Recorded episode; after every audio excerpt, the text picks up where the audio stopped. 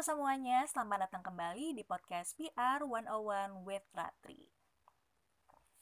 Sebelum mulai, gue mau mengucapkan terima kasih yang sebesar-besarnya kepada kalian yang sudah meluangkan waktu, kuota, terus juga akun-akun pendengar podcast seperti Spotify, Anchor, atau mungkin Google Podcast terus juga um, kuota eh kuota udah ya. Yang dan terpenting adalah telinga dan headset untuk mendengarkan celoteh seputar dunia public relations yang begitu luas tetapi basic banget. Karena salah satu prinsip PR yang gue pegang adalah PR adalah nalar. Nah nalar itu gimana sih maksudnya? Gak cuma dari segi penyampaian informasi ke publik-publik yang tepat dan dengan cara yang tepat guna tetapi juga um, dalam hal kita ketemu sama banyak orang. Karena kan gimana pun PR adalah salah satu sosok yang paling banyak ketemu dengan berbagai macam publik di berbagai acara gitu. Bahkan uh, secara secara online secara virtual sekalipun PR juga mesti uh, tahu cara menjaga penampilannya.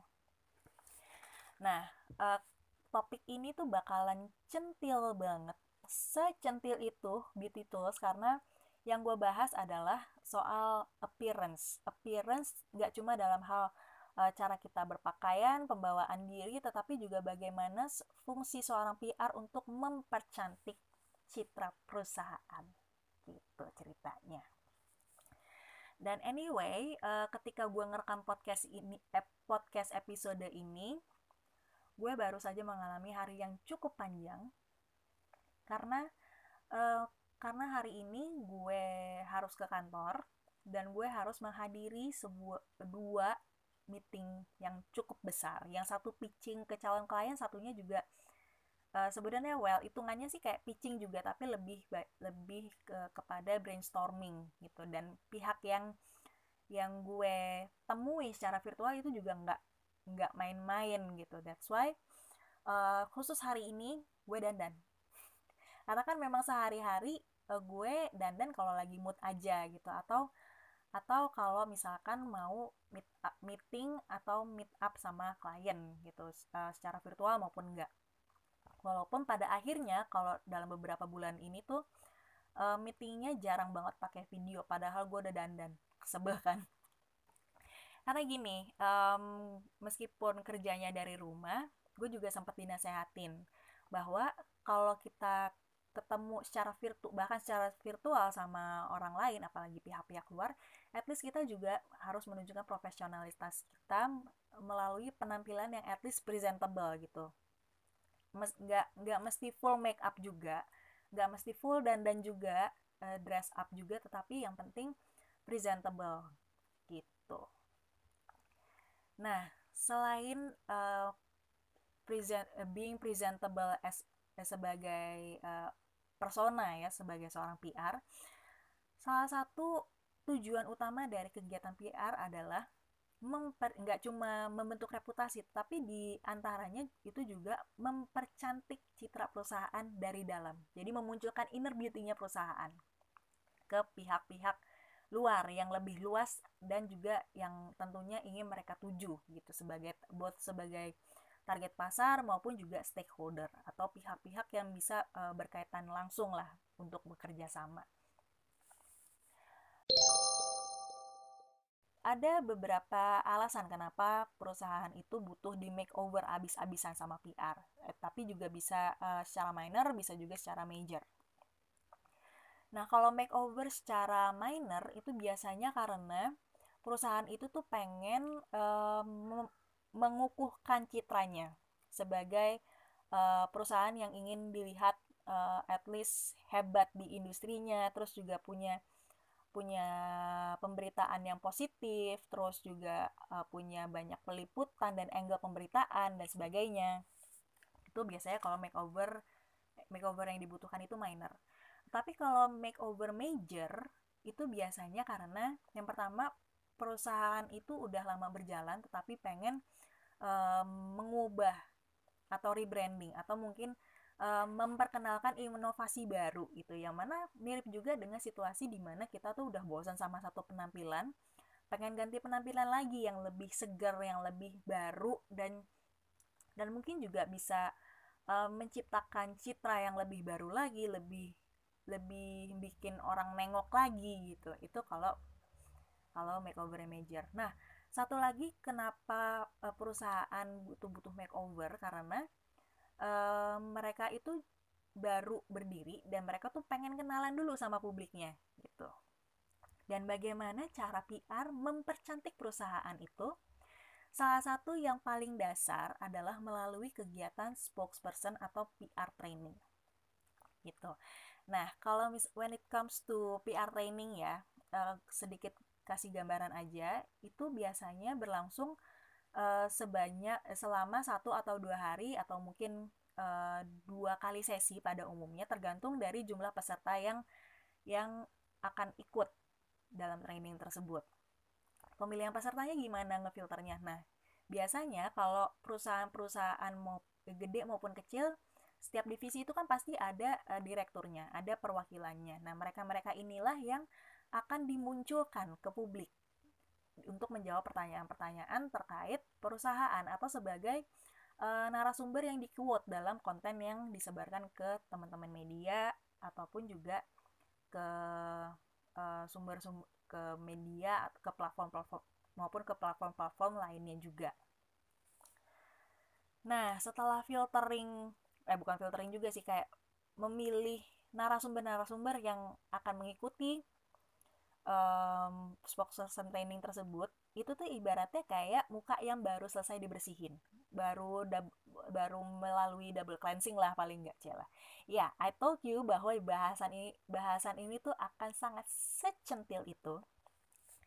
Karena analogi yang gue gunakan adalah uh, makeover pakai make up.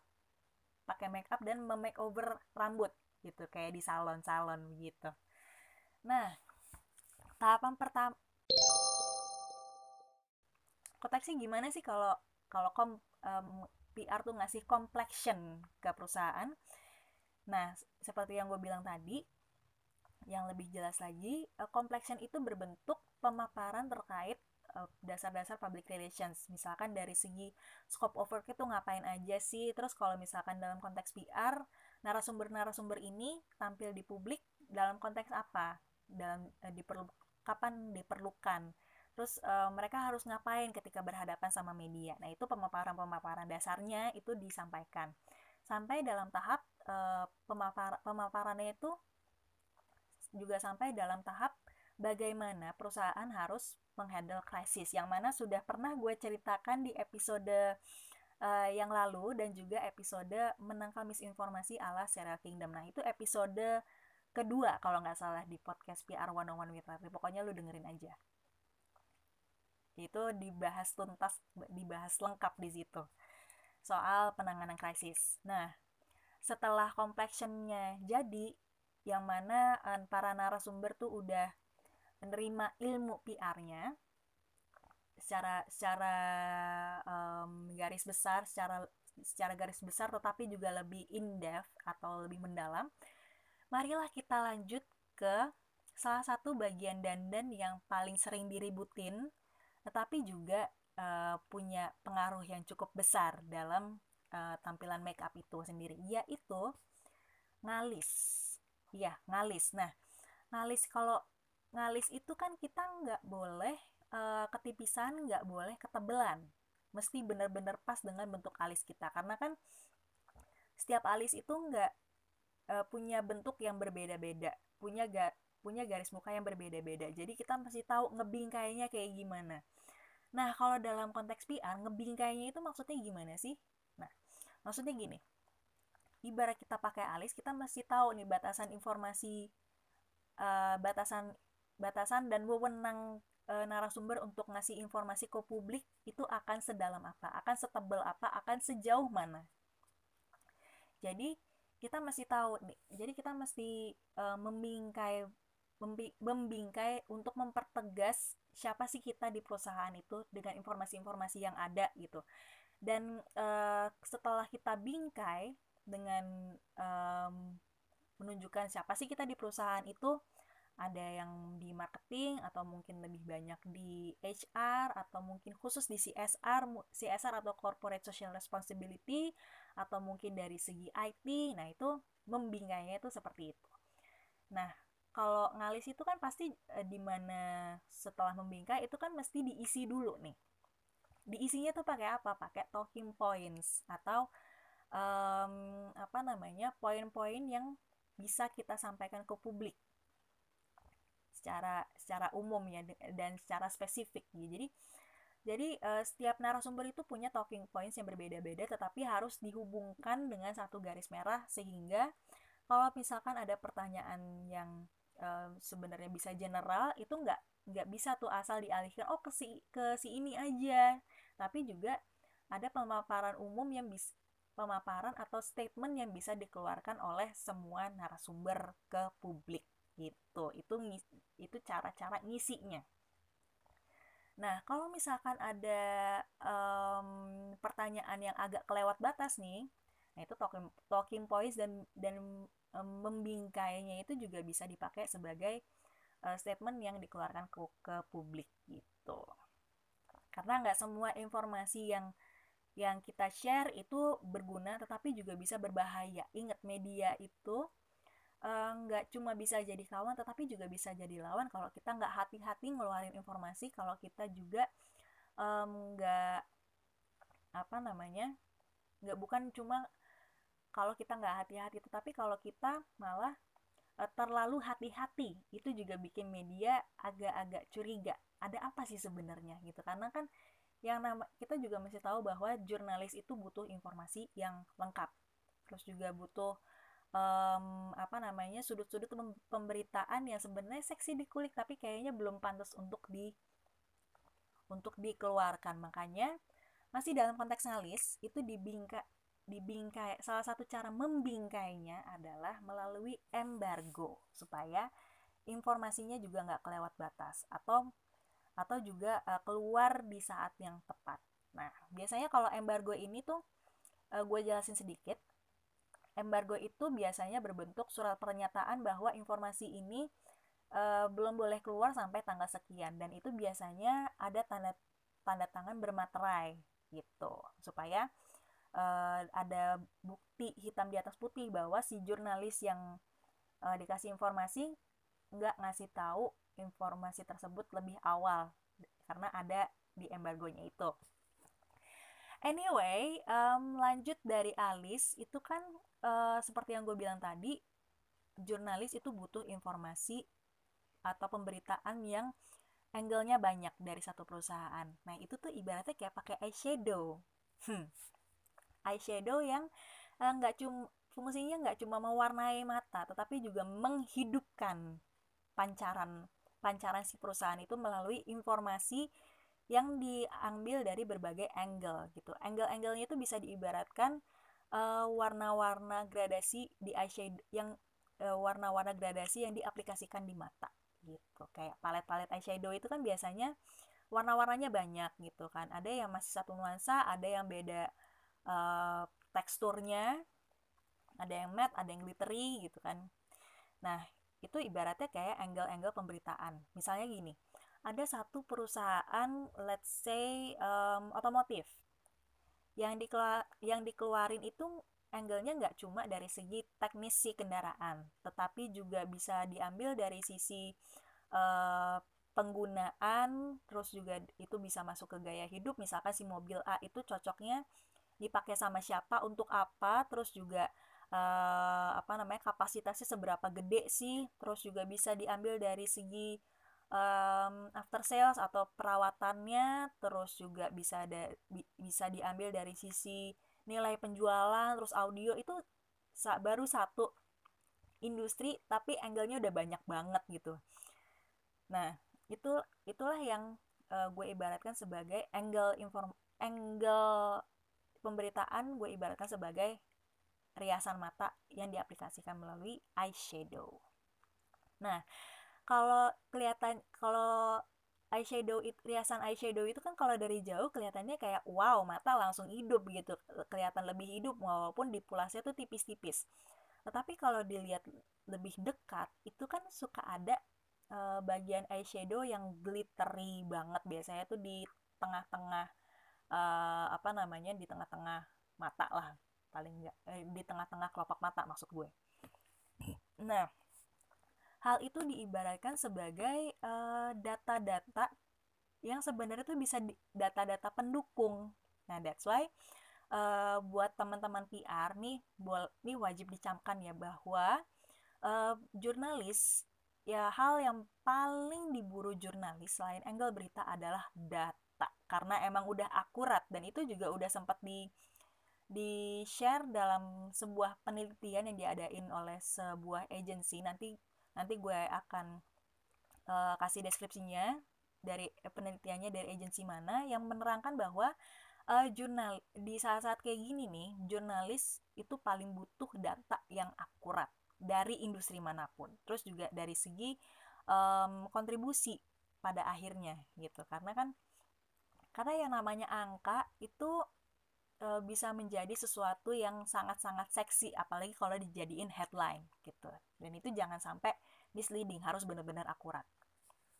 That's why um, kita juga mesti remind ke perusahaan untuk uh, rutin narik data. Dan nggak dan nggak mesti berpatokan dengan apa sih yang kita cari tetapi juga um, mereka tuh mesti mesti uh, nyediain data-data yang mumpuni yang valid yang sekiranya bisa diangkat di diangkat menjadi berita gitu itu tuh ibaratnya kayak sparkle sparkle eyeshadow yang glittery lah gitu Nah, make up mata kan udah nih, complexion juga udah. Terus lanjut ke mana? Nah, biasanya kalau gue sih, biasanya lanjut ke pipi. Biasanya lanjut ke pipi pakai blush on. Nah, blush on itu kan tujuannya kayak mencerahkan gitu ya. Mencerahkan e, penampilan dan juga berfungsi sebagai contouring. Nah, kalau dalam konteks PR, eh, kalau pakai blush on itu tuh nggak cuma memberikan informasi yang e, mencerahkan bagi para jurnalis sehingga sehingga informasi yang dikasih itu kan nggak cuma yang simpang siur tapi juga arahnya jelas gitu supaya si jurnalis bisa lebih gampang ngikutin ngikutin informasinya gitu. Nah nggak cuma itu tetapi juga e, bagaimana si narasumber-narasumber ini melalui bantuan bantuan PR itu merepresentasikan dirinya di hadapan publik terutama di hadapan media. Yang mana uh, dalam hal itu bisa dibekali melalui uh, public speaking.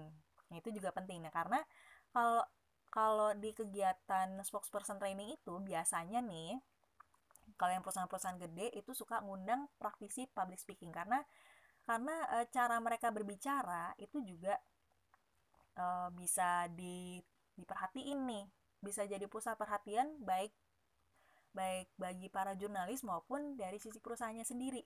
Karena gimana pun kan narasumber dan PR itu kan e, merupakan perwakilan atau representasi dari perusahaan. Jadi mereka harus e, tampil sesuai dengan citra perusahaannya itu gitu. Itu yang mana juga terpancar dari cara mereka e, membina hubungan dengan stakeholder stakeholdernya termasuk juga media terus juga KOL terus juga um, investor mungkin dan pokoknya eh, pokoknya banyak um, stakeholder stakeholder lainnya gitu.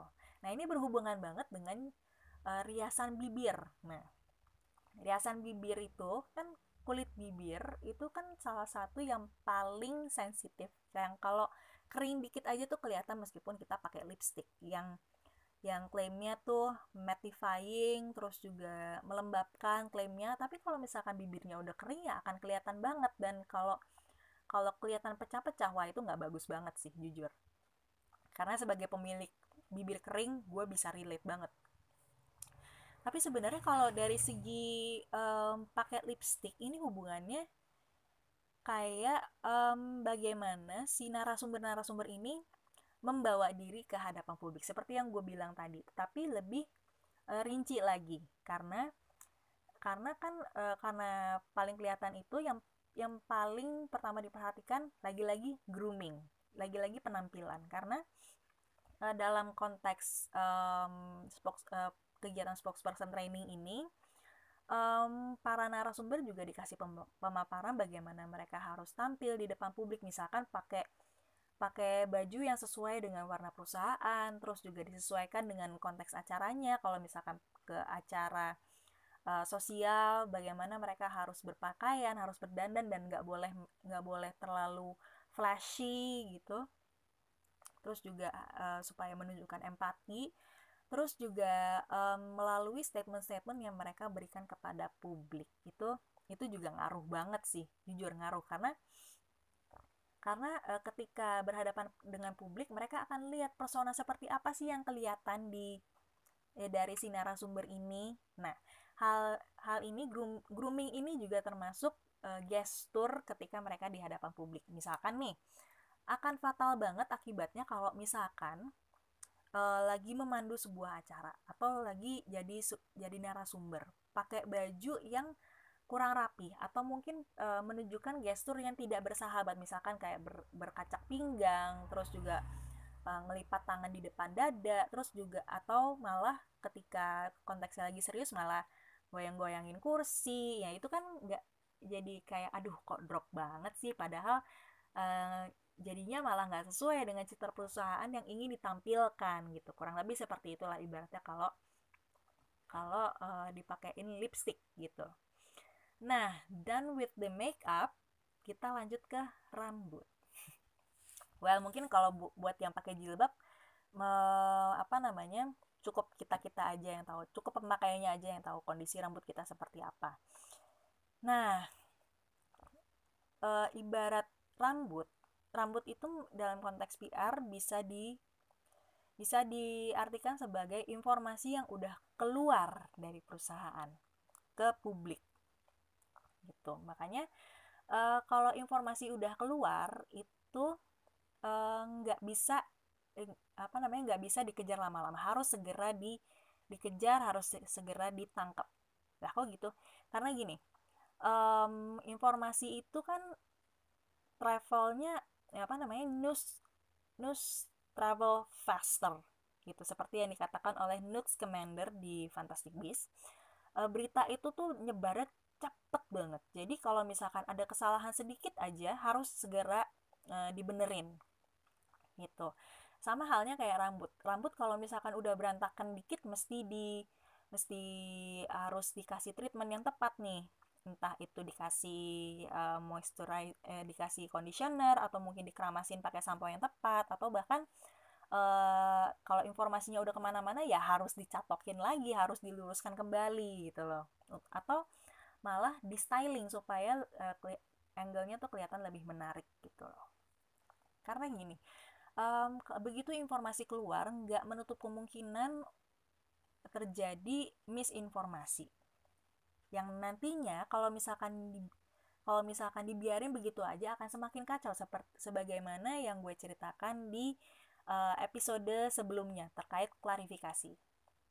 Nah, kalau informasinya semakin miring terus semakin gak jelas terus juga memicu sentimen sentimen-sentimen dari publik ujung-ujungnya akan terjadi krisis seperti yang gue ceritakan di episode um, menumpas krisis ala serial Kingdom. Nah itu di episode episode awal deh, coba deh didengerin. Barangkali setelah denger uh, bisa lebih relate dengan topik yang gue bahas di sini. Gitu terus um, apa lagi ya oh gini uh, setelah informasi itu di di apa namanya di alter atau di informasi atau rambut itu di alter atau di catok atau mungkin di dikasih treatment. Nah salah satu kalau rambut itu kan salah satu treatment wajibnya ya dikeramasin atau atau mungkin lebih intens lagi dikasih vitamin rambut terus juga um, apa namanya conditioner terus juga kalau misalkan lagi malas keramas bisa dikasih Hermes atau dry shampoo. Nah itu hubungannya seperti bagaimana uh, eh, PR dan perusahaan itu merawat hubungan dengan media gitu. Nah hubungan hubungan sama media atau media relations itu wajib banget dirawat.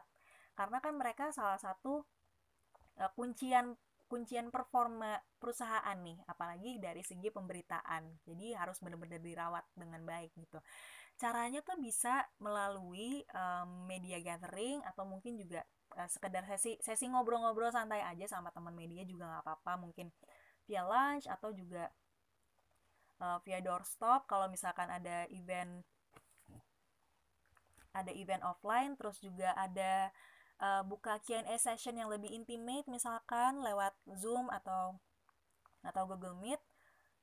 Terus juga kalau mau lebih intimate lagi kayak jualah intimate itu bisa uh, melakukan media visit virtual maupun nggak virtual. Itu adalah cara-cara untuk merawat rambut atau merawat hubungan dengan media supaya ke depannya informasi yang di di di share ke publik itu satu nggak cuma um, lebih mendapatkan lebih banyak peliputan dari berbagai angle yang berbeda. Terus juga uh, bisa apa namanya dan tentunya juga naikin KPI terus juga membentuk reputasi sebuah perusahaan di uh, mata teman-teman media. Itu penting banget sih merawat hubungan gitu. Sama halnya juga dengan skincare. Nah itu itu intinya sama juga nggak cuma merawat hubungan dengan media tetapi juga dengan stakeholder stakeholder perusahaan tersebut yang konteksnya tuh akan luas banget. Seperti yang gue ceritakan di episode ruang lingkup kerjaan public relations. Nah itu di dua episode sebelumnya.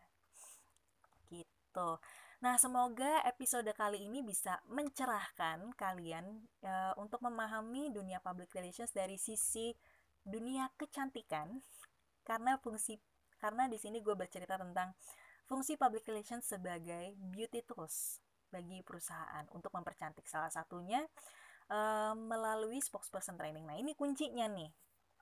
Oh iya tadi gue juga lupa nyebutin uh, kalau dalam spokesperson training ini uh, biasanya kita juga mengundang jurnalis-jurnalis senior, jurnalis bisa satu bisa dua untuk ngasih uh, sudut pandang dari uh, jurnalistik terus juga biasanya tuh suka ada praktek wawancara. Nah ini nih praktek yang menentukan bahwa si narasumber ini udah siap tampil ke publik apa belum. Nah itu juga jadi tahapan yang penting banget untuk um, apa namanya dalam makeover perusahaan ini. Dan jujur kalau sesi kayak gini tuh nggak cukup sekali.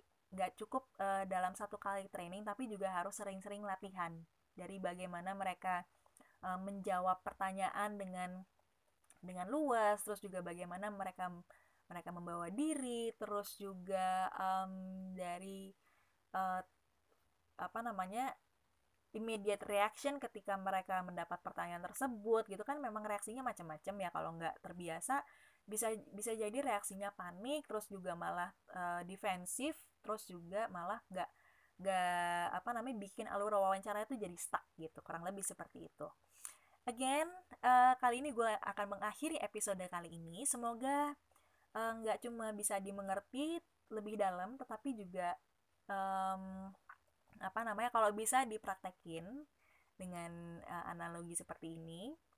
Dan sampai ketemu di episode selanjutnya. Terima kasih sudah mendengarkan.